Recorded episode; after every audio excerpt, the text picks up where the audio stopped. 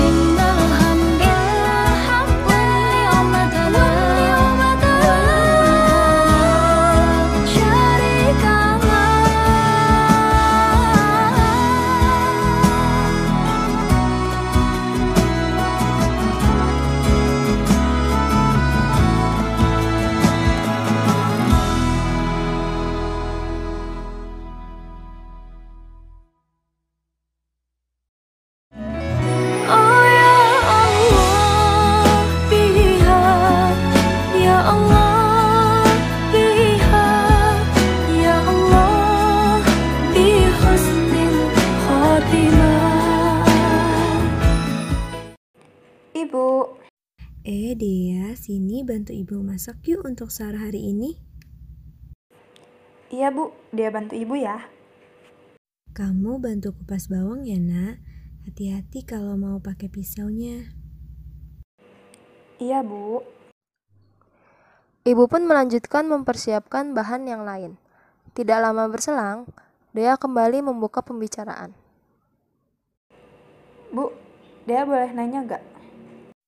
Boleh, Dea. Apa yang ingin kamu tanyakan, sayang? Kenapa sih kita harus sahur? Emang hukum sahur itu apa sih, Bu? Karena makanan bisa menambah energi untuk tubuh, apalagi saat berpuasa. Sahur itu dilakukan ketika akan berpuasa dan juga waktunya telah ditentukan khususnya di bulan Ramadan dan hukumnya adalah sunnah. Oh, seperti itu ya, Bu. Kalau begitu, ayo kita bangunkan ayah dan kakakmu. Makanannya sudah siap. Ayo, Bu. Di kamar sang kakak, ibu tidak mendengar tanda bahwa kakaknya Dea bangun karena ketukan yang beliau buat. Ibu pun memutuskan untuk membuka pintu kamar dan menghampirinya. Kak, ayo bangun, sudah waktunya sahur. Hmm, iya bu. Kenapa kamu sulit sekali untuk bangun, kak? Aku baru saja tidur, bu. Tadi malam tugasku masih cukup banyak, jadi ku kerjakan hingga larut malam. Ayo, lain kali diatur waktunya, biar gak kebanyakan begadang gini. Yang dinasehati pun hanya mengangguk sambil berusaha mengumpulkan nyawanya. Di waktu yang sama, dia juga sedang membangunkan ayahnya. Ayah, ayo bangun sahur, makanannya sudah siap. Dia sudah bangun. Wah, hebat sekali anak ayah. Iya dong, Dea gitu loh. Mereka pun sahur bersama-sama. Setelahnya, mereka pun menonton TV sambil menunggu azan subuh berkumandang untuk sholat berjamaah. Selesai sholat, Dea dan kakaknya bersiap-siap seperti biasanya untuk berangkat ke sekolah. Dea berangkat diantarkan ayah, sementara Marsha sudah pergi duluan karena berangkat menggunakan kendaraan umum. Ibu, ayah, Marsha pamit berangkat sekolah. Dea, kakak duluan ya. Iya, Marsa, hati-hati ya, Kak. Iya, Kak, hati-hati di jalan ya. Dea, semua sudah kamu siapkan. Tidak ada yang tertinggal kan? Udah, Bu, nggak ada yang ketinggalan kok. Semuanya udah dia siapin semalam sebelum tidur. Pintarnya anak ibu. Ayo Dea, kita berangkat. Salam sama ibu dulu. Bu, Dea pamit ya sama ayah. Iya sayang, hati-hati di jalan ya. Sore pun tiba. Dia ingin sekali memberi takjil untuk berbuka nanti. Namun, ayahnya belum juga pulang dan ibu pasti sibuk menyiapkan makanan untuk berbuka. Lalu ia mencoba untuk menghampiri kakaknya dan mengajak kakaknya untuk membeli takjil sembari jalan-jalan sore menunggu azan maghrib. Kak, beli takjil yuk. Boleh, udah izin sama ibu. Belum sih. Yah, kamu. Ya udah ayo izin dulu sama ibu. Lalu Dea dan Marsha pun menghampiri ibunya di dapur. Ibu, dia boleh beli takjil. Boleh, tapi jangan terlalu banyak beli takjilnya ya. Ibu juga sudah menyiapkannya di rumah. Oke, Bu. Uangnya ada di atas kulkas. Ingat ya, beli secukupnya saja. Marsha mengangguk menuruti perintah ibu, sementara Dea bergegas mengambil uang di atas kulkas seperti yang ibu katakan. Di perjalanan, banyak sekali makanan yang membuat Dea ingin membeli semuanya. Kak, aku mau agar-agar somai mie ayam dan pempek itu. Ayo, ingat kata ibu. Beli secukupnya aja ya, dek. Kalau gak habis, nanti siapa yang mau habiskan makanannya? Tenang, aku yang abisin nanti. Belum selesai kakaknya menasehati, Dea sudah banyak jajan yang ia inginkan. Sampainya di rumah dan waktu berbuka telah tiba, Dea merasa kenyang meskipun baru makan nasi dan minum air putih. Loh, kok nggak dimakan sih, Dek? Katanya tadi mau dihabisin. Iya kan, nanti aku habisin kok. Katanya tadi sanggup mau ngabisin. Sudah, sudah. Dia kalau sudah kenyang gak perlu dipaksa buat makan lagi ya. Biar nanti yang mau saja yang makan. Bantu biar gak mubazir. Iya bu, aku udah kenyang dan mulai ngantuk. Huh, dasar kamu, Dek, Dek. Ya sudah, makanya lain kali kalau dinasehati dengerin ya Dea. Iya ayah, maaf ya.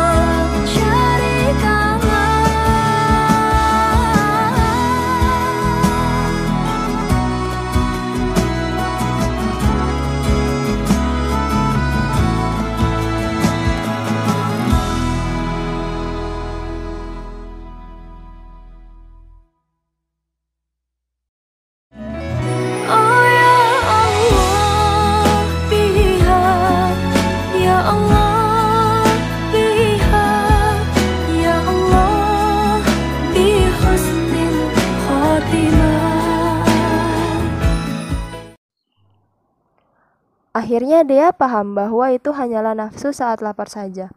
Karena setelah berbuka puasa dengan makan dan minum, ia sudah merasa kenyang dan dia merasa sayang dengan makanan yang ia beli tapi tidak dimakan. Dia pun akan lebih mendengarkan siapa pun untuk ke depannya. Biar bagaimanapun, penyesalan itu ada di akhir kan?